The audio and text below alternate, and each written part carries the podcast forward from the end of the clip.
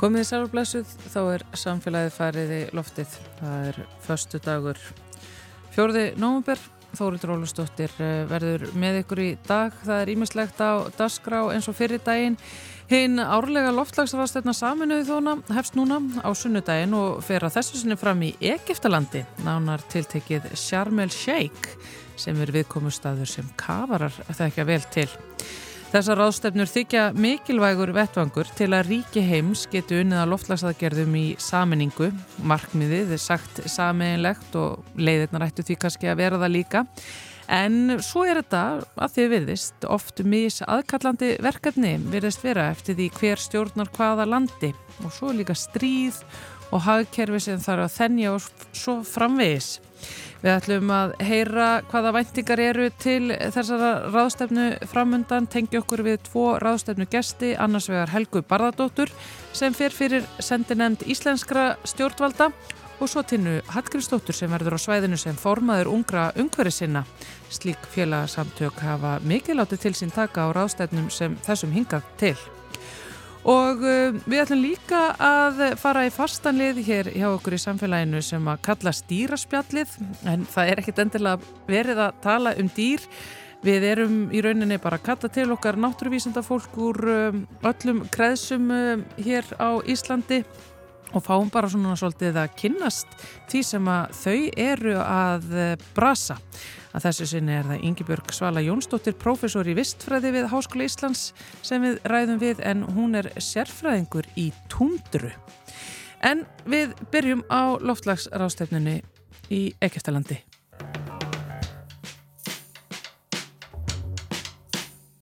Hún er hjá mér á línunni Helga Barðardóttir, sérfræðingur á skrifstofu loftlagsmála sem að fer fyrir Íslensku sendinemdini á loftlagsrástefnu COP27 Ekkertalandi. Eh, Sælvertu? Sælublessið. Hvernig er í Sjarmelsveik er eh, gott viður?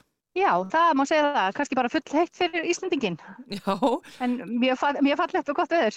En það er náttúrulega þetta hittastig sem er náttúrulega eitt af málöfnum eh, ráðstefnunar eh, sem að framundan er. Hvert er erindi íslensku sendinemdarinnar þarna úti?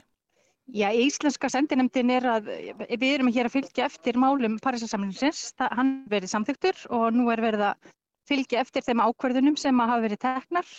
Er, um, við erum að horfa hér á hérna nattrænu stöðutöku meðal annars, það sem er verið að leggja mat á árangur.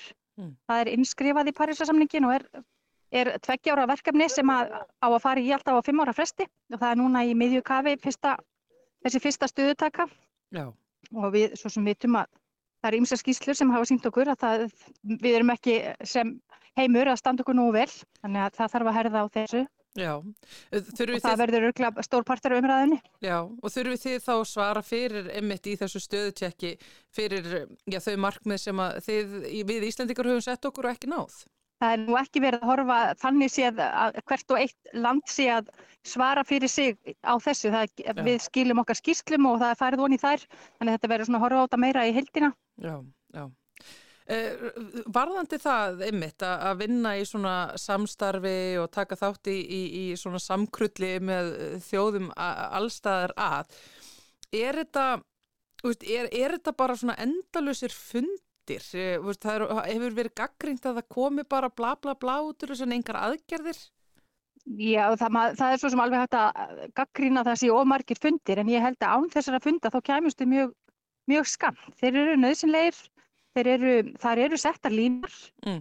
Og teknar stóra ákvarðin eins og Parísarsamningurinn, það tekst sam, samstað um hann á fundum, það voru haldnir margir fundir áður en hann náð, náðist samstað um hann, Já. þannig að þessi fundir þeir, þeir skila ímsu, en þeir, það má alveg segja að sé, þeir gætu verið kannski færri, en næðu saman fyrr, en þeir eru nöðsynleir í þessu ferli. Já. Hljóman er svo helga að því að þið ætlið að þrýst á að það veri staði við skuldbindningar sem hafa verið settar áður. Eru Íslandíka, Íslenska sendinemndin í einhverju, sko, einhverju svona framgönguhópi þarna eða eru þið einum þetta, eru þið ítnust, erfiðust á öllum og eru aðrir einhvern veginn svona meiri í diplomasínu, ég veist maður áttast ekki á því alveg hvernig þetta liggur? Nei, ég myndi nú kannski ekki segja að við værum erfiðust en við, við viljum bara fylgja eftir þessu markmiði um að ná, ná hérna, hitta markmiðum Parísasamlingsins að, að hittast í hækki ekki meir en einu og hálf gráða. Já og það verður örgulega til umræðu hér. Það er Parísasamningunins tvær gráður helst einu og hálf. Að hitna ekki meir en það frá einbildingu og nú hefur í fyrr, fyrra í Glasgow þá var áherslan meira á 1,5 gráðu og við viljum bara halda því áfram því að það er, við teljum það að vera mjög mikilvægt. Gefa og það verður örgulega til umræðu hér. Já það hljómar svona svolítið þannig. Sko það virðist vera allan og svona utanfrá að það sé nú minna umtal og, og jáfnveils kannski minni hleðsla í kringu þessa loftlagsrástöfnu heldur en til dæmis í Glasgow og í fyrra í talungum París þar áður. Er færra fólk eða er þessi rástöfna einhvern veginn minna Ég... aðkallandi? Nei, hún er ekki svo sem minna aðkallandi en hún er með kannski með aðeins annað varðandi dagskrana í fyrra en verða ganga frá ákvörðunum tengdar Parísasamningunum og það kláraðist í fyrra þannig að nú er það er bara enn meiri áherslu á að innleiða þau markmið sem hafi verið, hafi verið samþygt mm. á þessari ráðstefnu mm. hérna, en ég ímynda mér að hér verði hátti ég margt fólk að vera fyrra í Glasgow þó að það sé kannski aðeins öðru í sig umfylginu við vorum náttúrulega nær Glasgow í fyrra frá Íslandi Já. þannig að það kannski var, hérna, var nær okkur í rúmi þannig að þeim sökum kannski fengi meiri aðtökli á Íslandi Já Íslenska sendinendin, þið eruð alveg nokkur þarna og svo eru alls konar íslenskir fulltrúar sem að fara úr öllum áttum. Veist, eru þið í einhverju svona samkrulli við Íslendinga sem að fara fyrir hönda atvinnulífsins eða félagsamtaka eða hvernig virkar þetta allt svona? Ég myndum kannski ekki segja samkrulli en við veit, veitum vel af þeim. Þau eru svo sem í aðeins öðrum, öðrum erindagjörðum hér heldur en við sem komum frá stjórnvöldum, þau eru meira í að, að kynna sér nýja, nýja tækni og nýja löstnir sem er hérna, það er gífulega stort svæði sem er helgað, helgað því, þar sem eru fyrirlestrar og verða að sína, sína nýja tækni og nýja löstnir. Þannig að þessir, þeir aðeila sem koma úr atvinnulífinu, þeir eru, þeir, eru kynna, þeir eru á því svæði. Þannig að það er hérna, meðan við frá, frá ráðunitunum erum meira í á þessum öllum þessum fundum sem þú nefndir aða. Já, öllum þessum fundum sem eru náttúrulega, hefur að vísu alltaf verið sagt að séu það allra mikilvægasta við þessar ástefnur og það er ekki sko endilega kannski þessu opnufundur eða, eða fyrirlestar heldur svona bakherbergisfundirnir, einhverja tvíliða fundir sem hefur komið á milli stjórnvalda, atvinnlýsis, félagsamtaka eða hvaðina. Um, er, er þannig daskra framöndan hjá ykkur til dæmis? Við erum nú ekki í neinum svoleiðis, það er ekkert planað svoleiðis hjá okkur allavega en það er sjálfsagt ímestlega sem gerist hér á baku tjöldin þó að við séum ekki þar einstu koppar í búri þannig að það eru kannski þá stærstu ríkin sem eru meira í því Já. makki heldur en við.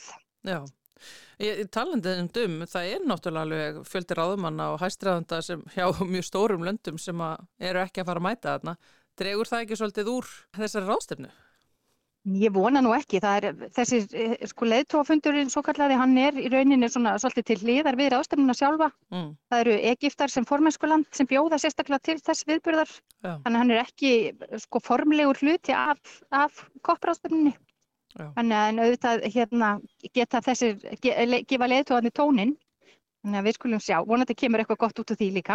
Já, eh, talandu leitu að Svandís eh, mætir eh, í næstu viku, ekki satt, okkar á þeirra? Jú, hún ætlar að koma hér í næstu viku og fara fyrir, ok fyrir okkar hópi þá, viku. Og, og, einmitt, setja þá fundi og, og ræða málinn og íta hlutunum kurtisislega áfram. Já, að sjálfsögðum. hún gerir það. Sko bara fyrir þig faglega uh, Helga og fyrir náttúrulega fólki sem er þarna allan tíman í Íslensku sendinemdini er þetta, ég minna, er þetta inspirerandi aðstæður til þess að vera í? Uh, er þetta að gefa mikið af sér, takkið mikið frá ykkur af þessum fundum? Já, þetta er náttúrulega fyrir okkur er þetta svona ákveðin liftistöngin í okkar starf þarna heima, bara sjá hvað er verið að gera á alþjóðavettfangi og hjálpar okkur við þá vinnu sem við erum að vinna að heima klárlega. Og öll okkar loslagsvinna heima byggir í rauninu á, á samþyktum loslasamningsins. Öllu markmið sem við erum að setja okkur og öll vinna sem fer fram, hún byggir í grunninn á, á markmiðu loslasamningsins. Þannig að það er hjálpar okkur kífilega við okkar vinnu mm. að koma hér. Já. Uh, nú hafa alveg einhverju þáttekandur í, í þessu ráðstöðnum í gegnum tíðina, til dæmis eins og svona umhverjusverndarsinnar og, og, og það sagt einmitt að að uh, þeir komið mitt að þessari ráðstöfnu oftar en ekki bara svart síðni heldur en að þau fóru á hana um, ég veit að þú ert náttúrulega kannski úr annara átt en hvernig upplifir þú, þú, þú það?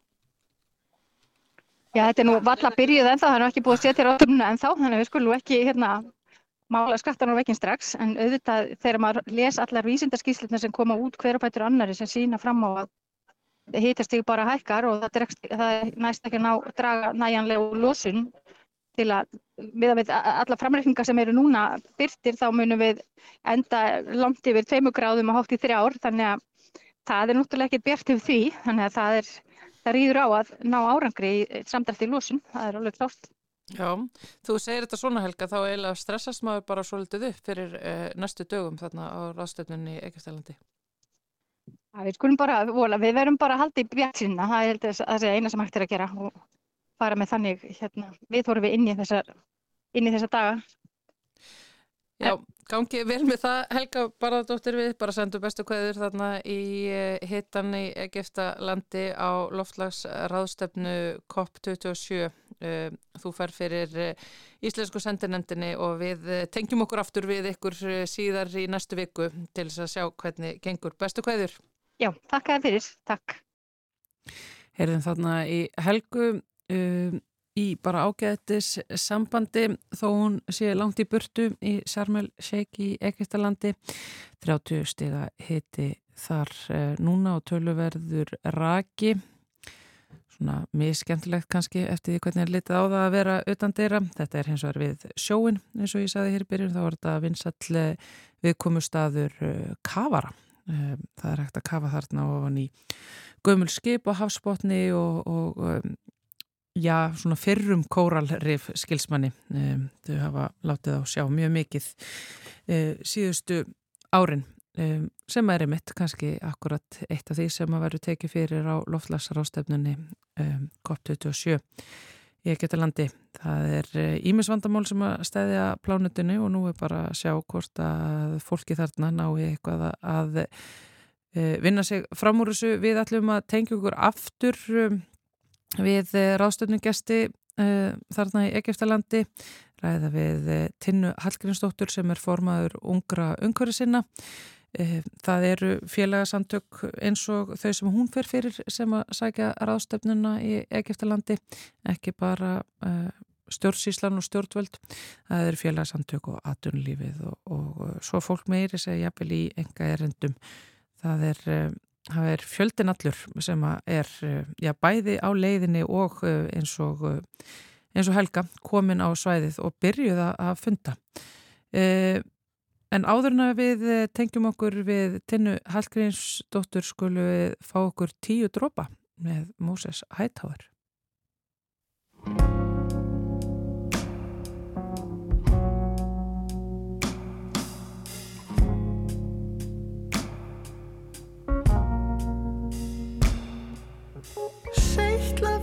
svörtum tárum síunni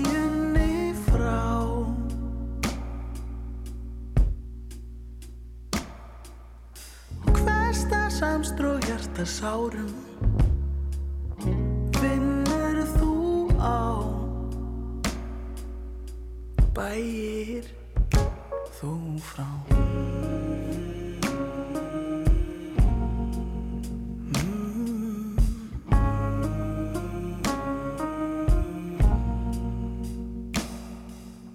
Blessuð alla tíð sé baunin þín. Brend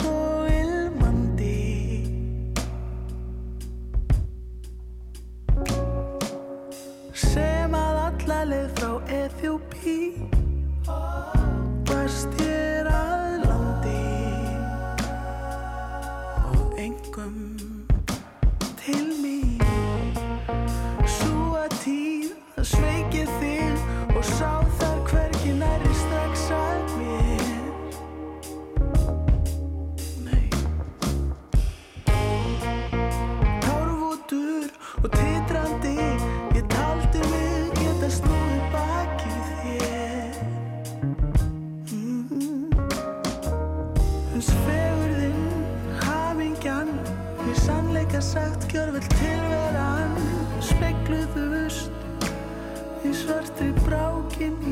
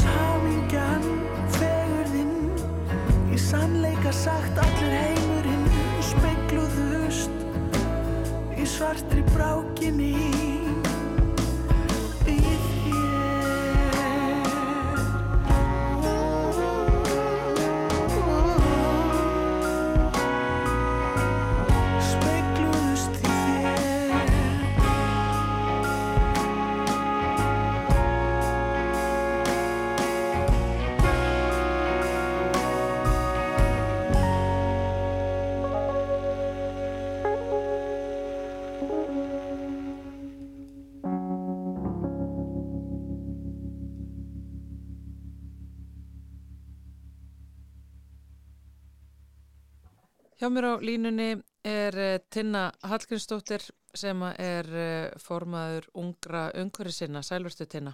Sæl. Hvaða erendi eiga ungir umhverfi sinnar á loftlagsráðstefnuna í Eikistalandi?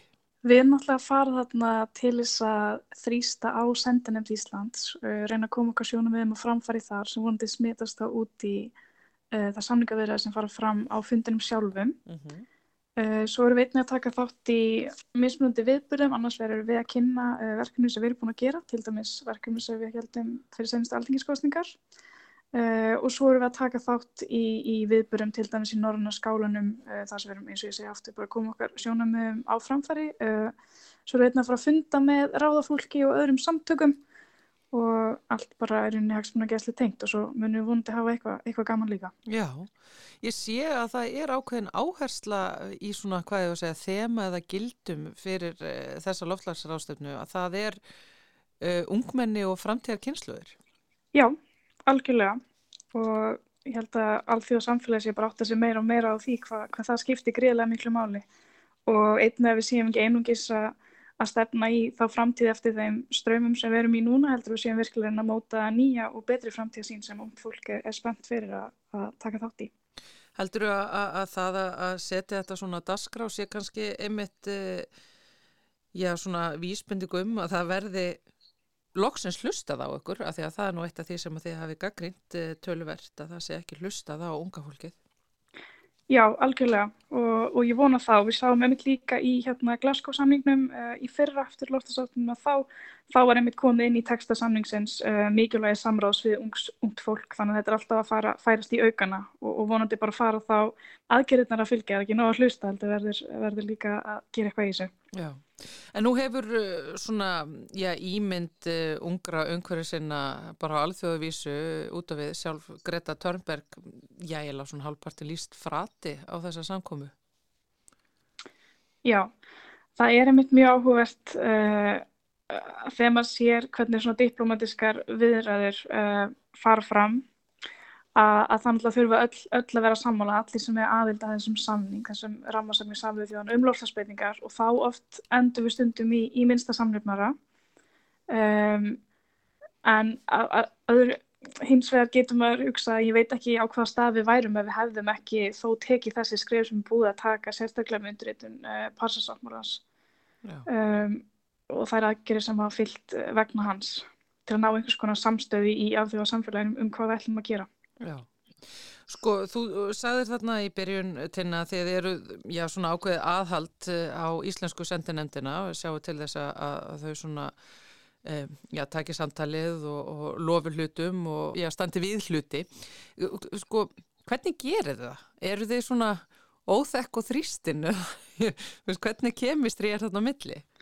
Það er bara mjög mikil virðing þar á milli og, og hérna og við bara tökum alltaf að reglulega funda og erum bara að ræða málinn sko. Og það er alltaf skilningur fyrir öllum sjónumum og svo er þetta bara mismundi hvað fólk getur uh, komið mikið til móts við það sem, að, það sem við höfum fram að færa. Um, en ég get sagt að á seinustu ráðstefnu þá líka þegar maður sá einhvern veginn að við vorum ekki fara að ná þeim árangri bara sem alþjóða samfélagi heilt, ekki, ekki endilega íslenska sendinemdin þá verður maður alltaf svona aðeins æstar og æstar eftir sem líður á sko. Hérna, uh, þegar maður sér hvert er að stefna. En ég vona einnilega að við myndum ná góðum árangri uh, á þessari ráðstefnu að þessu aðeldaríkja þingi þótt svo við séum kannski með minni svona stærri mál til að tækla uh, mm. minni svona dramatískar útkomur sem munu koma út. Þetta er meira svona vinnu, vinnuþingi þetta skipti Já, vinnuþing. Það er einmitt eitt sem hefur verið talað um að, og, og Greta hefur náttúrulega gaggreint að þetta er rosa mikið bla bla bla um, aðgerðarnar hefur kannski hérna, skort að, þannig að það er þá hvað, vonin hjá þér og, og þínu fólki að, að þetta sé svona aðgerðarþing? Já, það væri nú algjör draumur og það er eitt málefni sem okkur er sérstaklega umhugðum og hefur verið að fylgjast með og það er þá töp og tjón eða loss and damage á ennsku mm.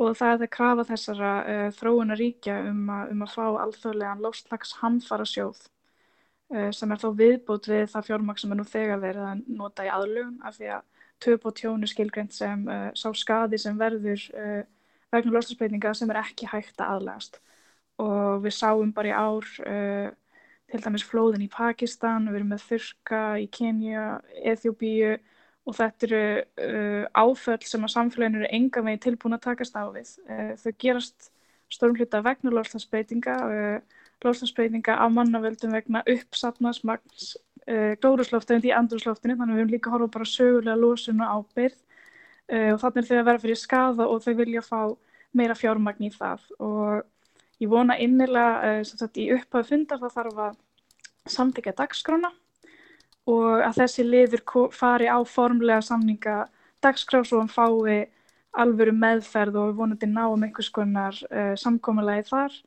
líka bara til að tryggja uh, traust innan alþjóða samfélagsins og, og, og samstöðu finnst mér að því að þetta snýst mm. ekki bara um hver ber ábyrð á lofslagshamfyrum annar staða með sinni losun heldur verður við bara sína samstöðu og bara samkend með því fólki sem er að lenda í, í hamförum Já, en það er einmitt þessi tröst og samvinna sem að er, uh,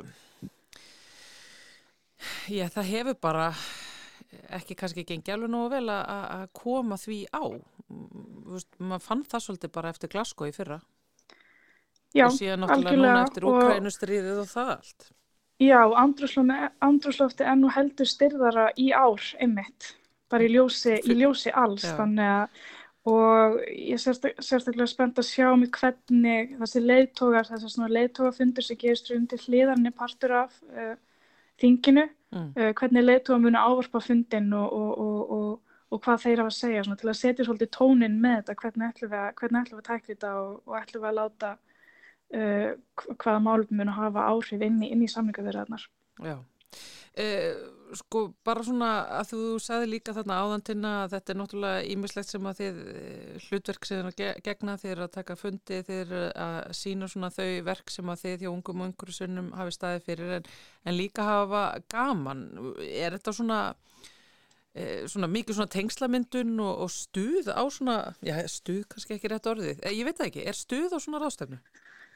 Ég hefndi að þessi frekar svona alvarlegt yfir svona í, í ráðstöfnu svæðin yfir höfuð en svo er ofta einhver, einhvers konar móttökur og svona tengslamyndunar viðburðir en ég reynilega veit ekki náttúrulega önnu staðsetning uh, í ár uh, og á, ákveðinu svona ferðamanna svæði í rauninni.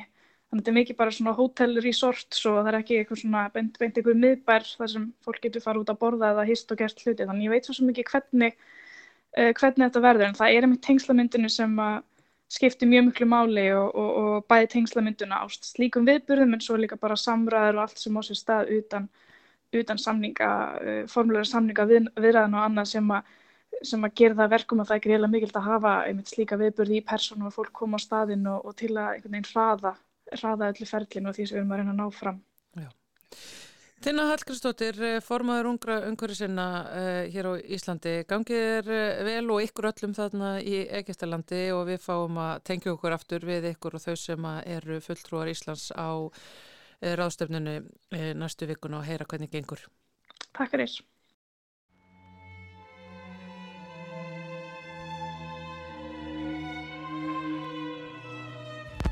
So enchanting in every way.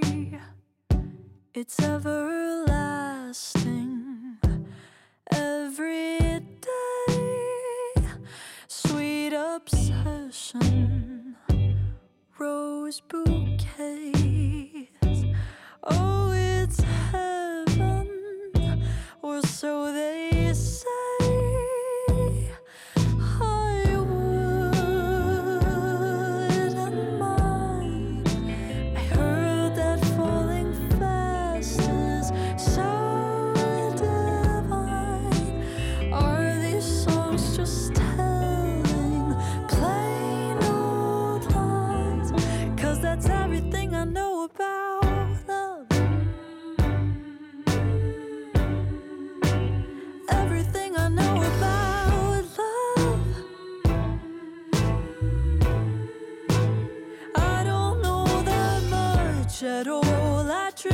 For.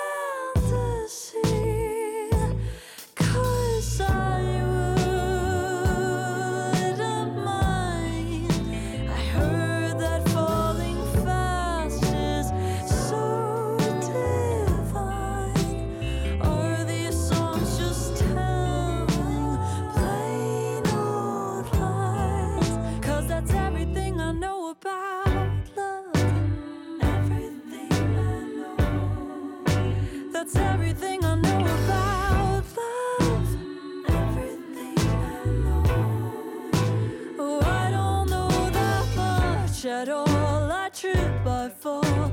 Every time I try, it's all too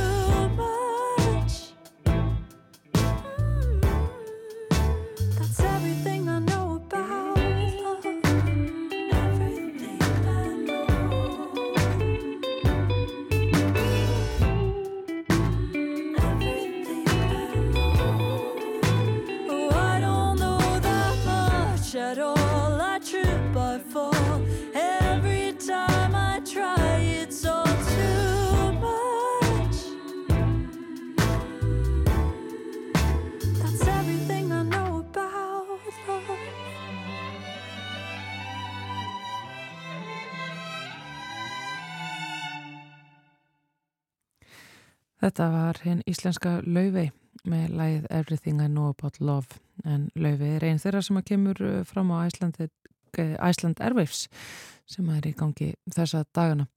Hér á eftir ætlum við að fara í dýraspjallið en uh, áður en að því kemur skulu við uh, fá eins og eina málfarsmínutu frá málfarsráðunetti Rúf önnu Sigriði Þráhansdóttur.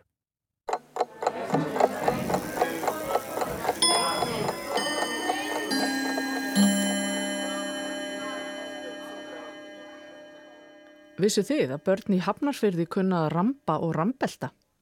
Sama aðtöfn heitir á vestfjörðum að vippa.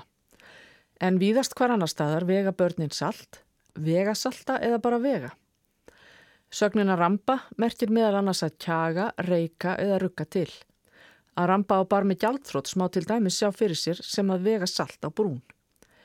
Rampa er þekkt í málinu frá 16. öld en leikurinn hefur þekst hér frá aldaöðli.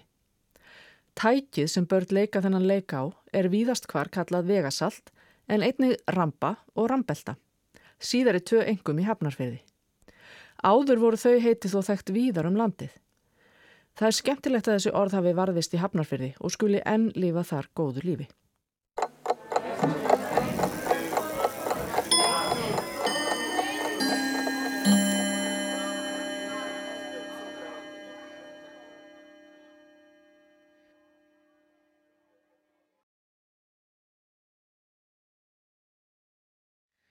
Við höfum það fyrir fastan lið hér á föstu dögum gerðan í samfélaginu að já, anda ofan í hálsmálið á okkar helsta náttúruvísenda fólki og fá að kynnast þeim og þeirra sérfræði störfum.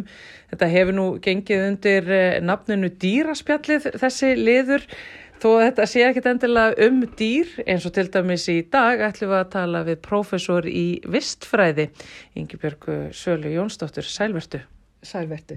Það koma vissulega dýr við í, í mínu rannsóknu líka þó að aðal áherslan sé á plöntur og gróður. Já, sem er sko ekki hvaða plöntur og gróður sem er, það er tundran sérstaklega. Já, já, ég, hef síðustu þrjú árin lagt megin áherslu á rannsóknur á tundrunni hérna í mínum rannsóknum.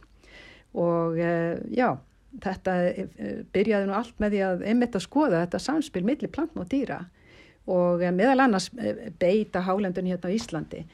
Uh, og, uh, og líka þetta var þemað í miklum heimskuta leðangrum sem ég tók þátt í uh, sem sænsku vístamæður, það var sænska vísinda, heimskuta rannsóknar skrifstofan sem að skipulaði þetta bæði til Suðukvæls og svo á norðurslóðum. Þannig að þar var þema þetta að skoða hérna, samspil plantma og dýra og í samstarfi við stóra hópa vístamanna þannig að þetta var mjög, mjög spennandi og gefandi. Og eh, fyrir, leiðang, fyrir eitt leiðangurinn hann eh, fór þá til eh, í, á síbersku tundurna, við vorum, við vorum með Ísbrjótt í samstarfið rúsa þá, rétt eftir fallsóðutrykjana 1994 og við höfum þyrlur um borð sem að flutta okkur í land hér og þar og við fylgdum allir strand síperju yfir eitt sumar þetta var gífilega spennandi. Og síðan eh, aftur endur tók sagan sig eiginlega, svíjarnir eru svolítið góður í þessu, að það, var hérna 1999 í samstarfi Kanadamenn og þá fengum við sænsk, eh, kanadískan ísbrot eða rannsóknar ísbrot sem hafði flutt okkur eh, þess og kruss eh, í gegnum eh, kanadísku heimskotalandin sama upplegg með tyrlurum borð og við hérna, settum við tjálbúður hér og þar og söpnuðum okkar gögnum. Og þetta var gífurlega eh, gott og mikilvægt til dæmis fyrir mig að eh, fá þessa yfirsýn eh, frá fyrstu hendi uh, í, uh, yfir breytileikan af þessum heimskutarsvæðum og bara var mjög mikil sverði. Tundran er náttúrulega rosalega kannski sérstakt visskerfi, mann finnst það nú ekkert vera kannski svona fljótt á litin eitt ofsalega líflegt, en eh, hún er hins vegar að segja okkur alveg rosalega mikið og kannski sérstaklega núna. Já, einmitt. Og ég sagði að þetta byrja allt með að skoða þetta samspil eh, millir plantn og dýra. En eh, fljótlega að þá fórum við að tengja þetta einmitt lofslagsbreytingunum og eh, já, tundran ekki spennandi, mjög stróla spennandi en það er vissulega rétt að þetta er trjálöst svæði og það er það sem eh, er kannski hluti af því að skilgreina tundruna. Þetta er svæði sem er norðan uh, skóamarka og aðstæður er ekki fyrir hendi til svo að tríð þrýfist eða ofan ef við, lík, við tölum líkum fjallatundrum.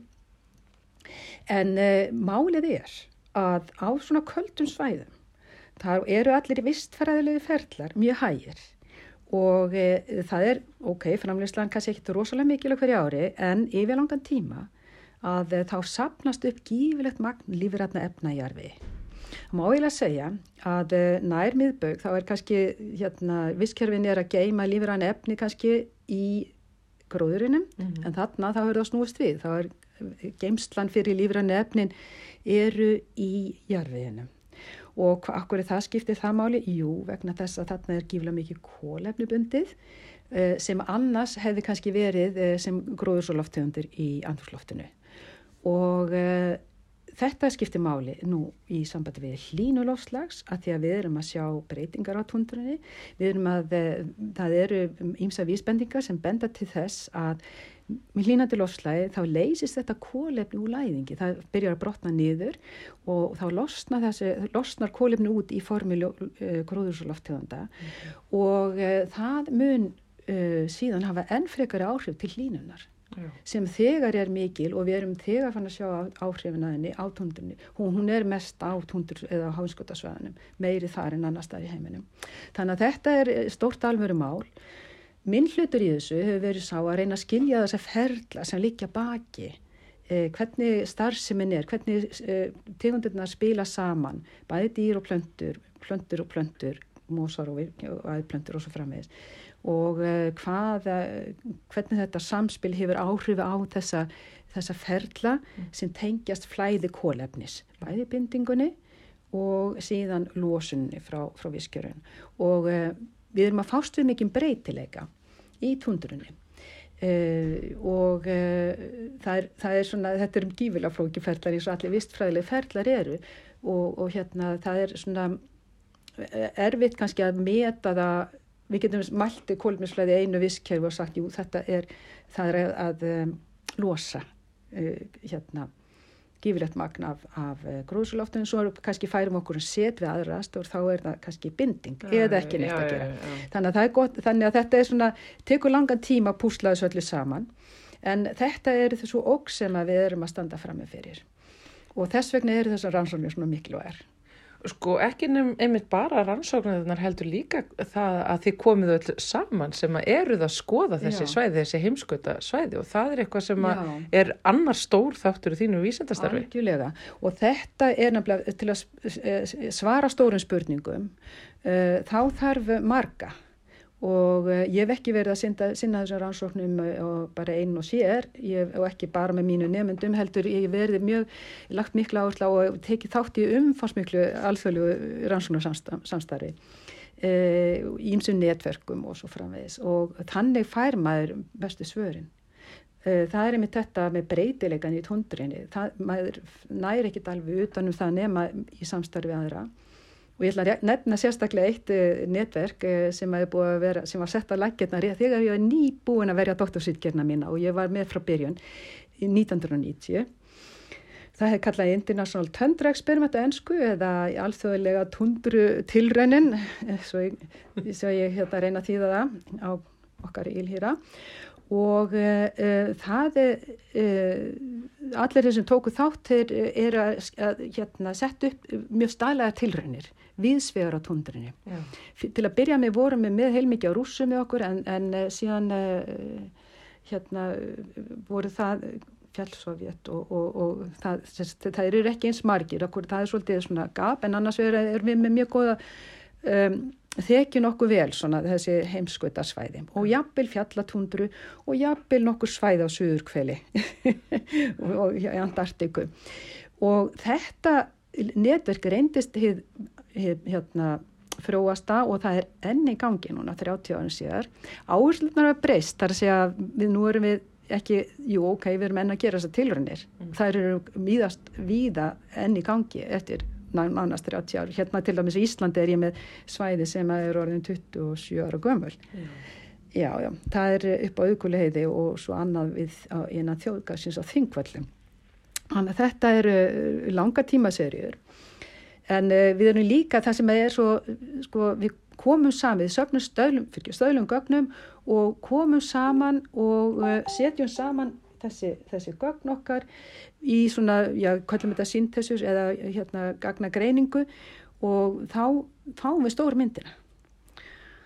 Það sem hún hefur sínt okkur og það sem kannski kom fyrst í fyrstu og óvart var það að við erum að sjá, ef við, ef við tala um gróðurfarsbreytingar til dæmis, að þá erum að sjá miklu minni gróðurfarsbreytingar upp í háartis, ertis, það sem kaldast er heldur en á láartisku svæðum eins og til dæmis á, á Íslandi.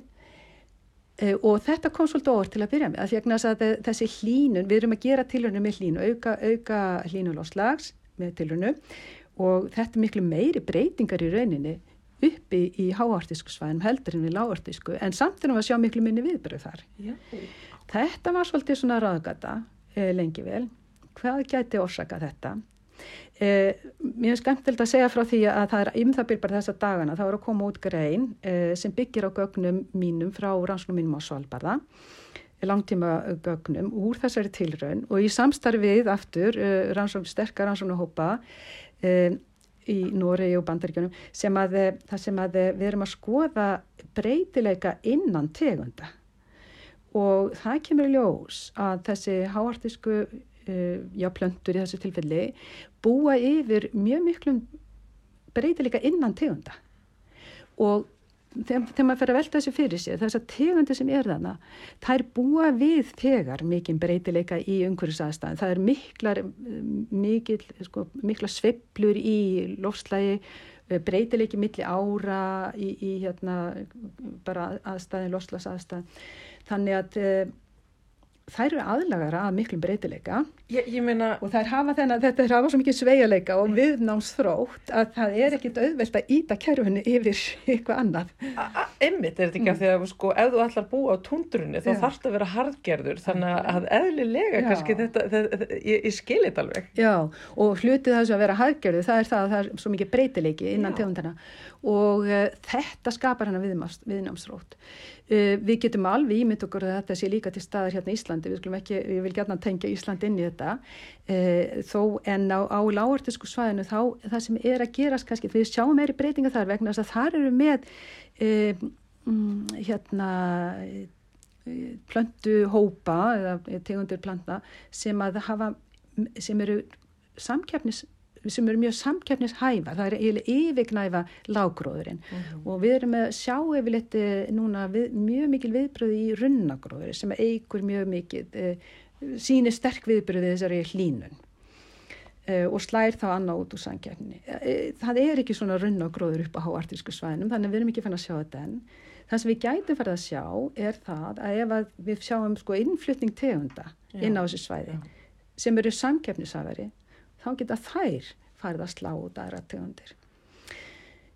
Þannig að þessi Og- hargera tundra, hún, hún fer ekki vegna sko umhverfisbreytinga heldur einfallega vegna þess að koma aðrir inn á svæðið. Hugsanlega, það, það gætum við séð. Vá. Eða þá líka, að, eh, hugsanlega líka, þegar við hlínunin, ef við, við bregðumst ekkert við þessu loslasbreytingum, þá sjáum við áframhaldandi hlínum og þá getur þessi kerfi hrunið. Þá er, sérst, það er takmörk fyrir sveigjanleikanum og, og hversu hargerðar þessar lífurur eru. Ég, já, en við erum að mörgu leiti, ef við bara aftur færum okkur til Íslands, þá erum við að mörgu leiti að sjá þetta gerast, vegna þess að við erum hérna erum við miklu opnara, við erum miklu opnari fyrir innflutningi, við erum jafnvel aktíft að sjá um að flytja inn tegundir og við erum að sjá núna uh, að tegundir framandi tegundir, vil mér segja svo svo, sem er ekki tilhengd íslensku flórunni, uh, hérna, þær eru samkeppnishæfari en uh, þær sem fyrir eru og þær eru farnar að breyða úr sér Já. og uh, þetta er, þetta er sagt, þarna ringi mörgum viðvörnabjöllum. Við verðum að standa vörðum okkar lífræðilega fjölbreytileika hér líka. Það er eiginlega gaman að sjá Ingi Björg hvaða lifnar yfir þér yfir að tala um tundru af því að ég sagði að mörgum kannski finnist þetta að vera svona dátu tilbreytingarlöst landslag. En, en þú hafandi verið í rannsóknum hér og ekki hvað síst á Svalbara það sem þú bjóst svo lengi þú sérð fegurðuna í þessu? Já, þetta er svolítið, að, það sem ég finnst svo magna við tundrusvæðin og sérstaklega háartis er það, sko það, þetta er svo stuttur tími sem að, eh, hérna, til dæmis eins og frumframlegendurnir, plönturnar, hafa til þess að byggja upp það sem þarf til að viðhalda svona uh, viskjörum. Þarna til dæmis á Svalbara, það eru stóra hjarðir, eða hjarðir, það er ekki stóra hjarðir, það er, það fjöldir heindýra, þeir eru reyndar, það sérstakt fyrir Svalbara, þau halda sig ekki stórum hjörðum, en það er mikil, sko, að halda uppi þessari framlýslu sem að þarf til þess að við halda þessum stopnum, það finnst mér magnað, það er eitt, og svo líka uh, magnað hvað að sjá alla þessa farfugla sem koma þarna á hverju sumri og að fylgjast með þessu visskerfi hvað það er megnugt á þessum frökk til dæla stuttum tíma, sumartíma sem er kannski, já, í- alveg nýst þá er það bara einn mánuð eða kannski tveir og hálfu mánuður að, hérna, þetta kerfi skulle halda upp öllu þessu mikla fjölbreytileika lífríki. Annars vegar því sem að fyrir er og, og, og, og hérna uh, við helst yfir þennan langa dimma vetur sem það ríkir og hins vegar þetta alla þessa farfugla sem koma, það er alveg magnað. Við látum alltaf svo mikið með svona tríin og þetta hérna sígræna blómstrandi landslæga nefnitt.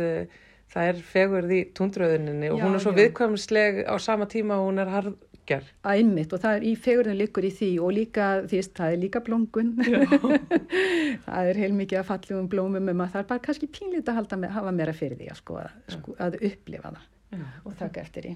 Kannski gerir þetta mitt á þessu vísendalega, um, vísendalega áskorun sem þetta er fyrir þig og, og við þitt æfi starf. Gamna spjalla við þig, Ingi Björg Svala Jónsdóttir, profesor í vistfræði hér við uh, Háskóla Íslands og, og við fáum að fylgjast hún þetta áfram með þessum rannsóknum því eins og þú fórst yfir þá er túndarinn að segja okkur heil mikið og það er eins gott að hlusta. Já, takk fyrir.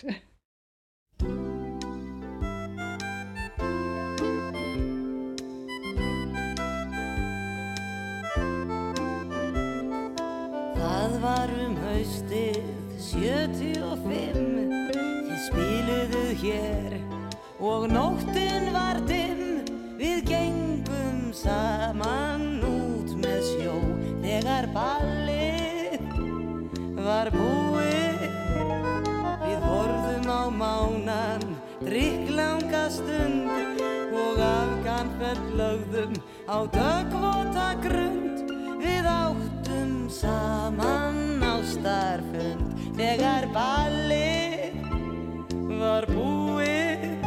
Það er ekkert upp á hann að fara ég trú alla daga.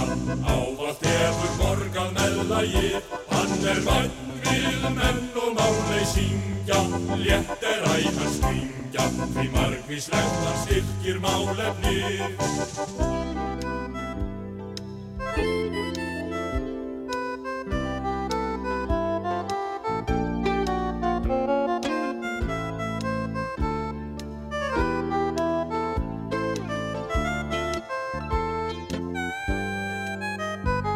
Þið hörfuð í ríkmekki suður um fjörð En eftir satt ég og eignaðist hörð. Þú sáðir fræ í frjóansvörð Þegar ballið var búið Þegar ballið,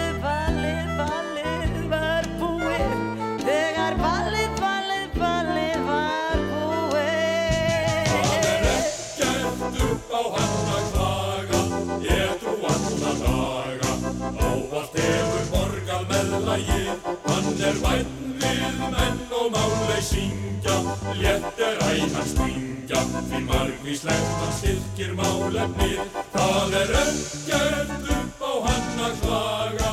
Ég trú alla daga Ávallt hefur morgað með lagið Hann er væn við menn og máli syngja. Stuðmenn syngja þarna haustið 75. Þetta er að sjálfsögðu úr myndinni með allt á hreinum sem að fagnar um þessar myndir 40 ára afmæli.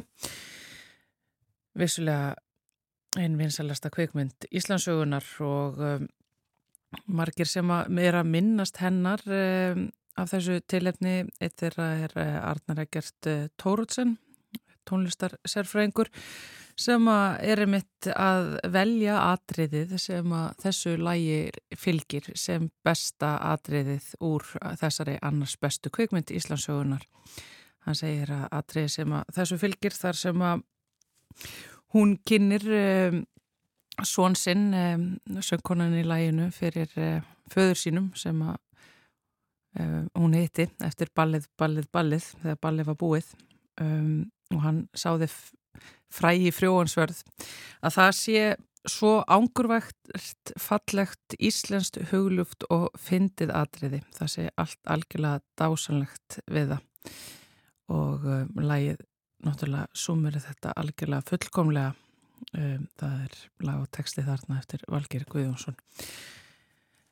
Um, mjög skemmtilegt að rifja eiginlega bara allt upp úr þessari mynd. En um, eins og glöggir hlustendu vita þá höfum við verið með ruslarapp reglulega á dasgrá hér í samfélaginu undanfærin misseri og hvart hlustendur til þess að senda inn fyrirspurnir. Við fengum fyrirspurn á dögunum frá Sigrúnum sem er að velta fyrir sér því sem að mjög margir eiga í erfileikum með Það eru umbúður sem að tilhera í raun fleiri en einum flokki og hún spyr sem sagt bæði um livjaspjöld eða pilluspjöld sem eru bæði úr áli og plasti og síðan pumpur úr sápuflöskum úr plasti sem eru með svona málmgormi innan í.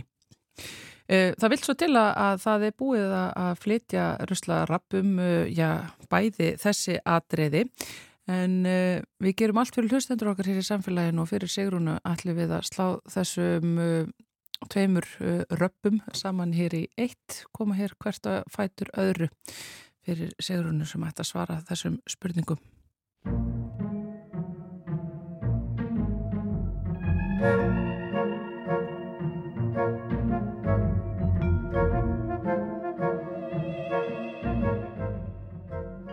Ruslarapið farið að stað Eiríkur Ör Þorstesson sem er sérfræðingur í fræðslu og miðlun hjá Sorpu er sestur hjá okkur og við ætlum að taka fyrir fyrirspurt frá hlustanda sem var að velta fyrir sér hvaðan eigi að gera við þessar svona sápupumpur eða þessar umbúðir sem eru sem sagt við vaskinn inn á baðherbergjunum okkar sem að innihalda fljótandi sápu. Eiríkur? Já, akkurat. Um, þetta er náttúrulega að, að mestu bara plast en, en þetta sko plast er ekki saman plast, það er til alls konar tegundur plasti og, og um, viða erlendist þá farið að flokka plast í marga flokka. Uh, að mestu þá eru við bara ennþá flokka hér í eitt flokk en það kannski mun breytast uh, fljótlega hjá okkur að við fyrir að tala meira um, um plastumbúður umbúður sem að, að bara falla til á, á heimilum á, á hverjum degi þar myndi ég flokka þessar uh, sápupumpur eða sápu hérna ílát og, og oft er einhverjir svona vírar, málumvírar í, í pumpunum þar að segja. En, en að mestu er þetta plast þannig að setja þetta með plasti og þá í, í sagt, uh, flokkunar á flokkunarstöðu erlendist þá er, eru málmannir að reynda að skilja þá frá eins, eins, og, og hægt er. Já, en uh, svo ser maður líka náttúrulega að, að fólk sem er mjög umhugað um umhverfið er bara hreinlega farið aftur í sápu stikkin. Jú, það er, það er náttúrulega mjög sniðt og, og líka ég hef uh, séð í vestlunum að það er hægt að fylla á uh, sábíletin hjá sér. Já, svona fljótandi sápu. Já, Já. en sábustikkin eru líka mjög sniðug. Já, og þau eru líka oft bara pökkuð inn í pappir. Já, Þannig alveg rétt. Þannig að þetta er eitthvað svona til þess að taka með manni næst eða maður fer að, að, að kaupa sér handsápu. Já, eða sjampó. Já, takk fyrir þetta, Eirikur Örd Þorstesson. Takk fyrir mig.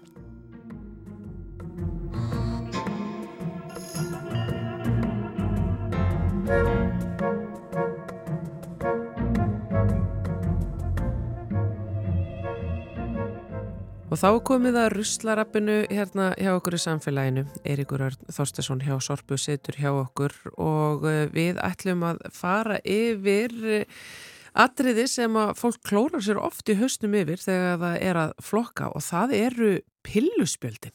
Já, það passar. Pilluspjöld er yfirleitt úr, eða yfirleitt er eiginlega alltaf heldur bara úr plasti og svo einhverjum álpapír. Já, álpapirinn er svona aftan á til þess að halda pillunni Já, inni og síðan sprengjur pilluna í gegnum álpapirinn. akkurat, Já. akkurat. En, en með pilluspjöldin, út af því að þau hafa komist í snertingu við lif, þá má í raun og vera ekki flokkaðu, hvorki með plasti, nýja áli, þannig að málmi, þannig að best er, eða það sem má að gera, það er að fara með þau í apotek. Apotekin taka við pilluspjöldurum eins og uh, ónýttum livjum, þá er best að pilluspjöldin og liv líka séu í glærum pókum til þess að starfsmenn apoteka, eh, sjáu hvað er í pókunum og svo fer þetta í uh, öruga eyðingu. Hvað ert að segja? Og þau taka sér satt við eh, pilluspjöldunum jafnvel þó þessu tóm. Já, út af því að þau hafa komist í snertingu við liv og það geta verið einhverjar leifar af livjum í þeim þannig að, að þeim ber að skila í apotek. Akkurat, ymmit, maður hefur heyrt fólki miklu vandræði með þetta verandi plokkandi sko álið af til þess að reynsa það frá plastinu til þess að geta aðskilið þetta en þetta er náttúrulega miklu einfaldara. Það eru flest allir að sapna einhverju svona ónýtum livjum og einhverju Jú, svona passar. algjöru svona aukreitis Mhm. þannig að pilluspjöldin þangað. Já, og apotekin taka all við pilluspjöldum og, og hérna ónýtum livjum.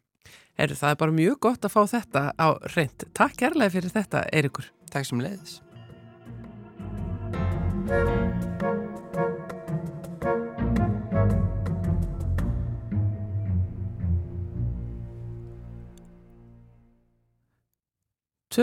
skamtur af uh, ruslarabbi hér að baki um, í til þess að við fengum sendarinn spurningar frá hlustenda sem við höfðum tekið fyrir áður.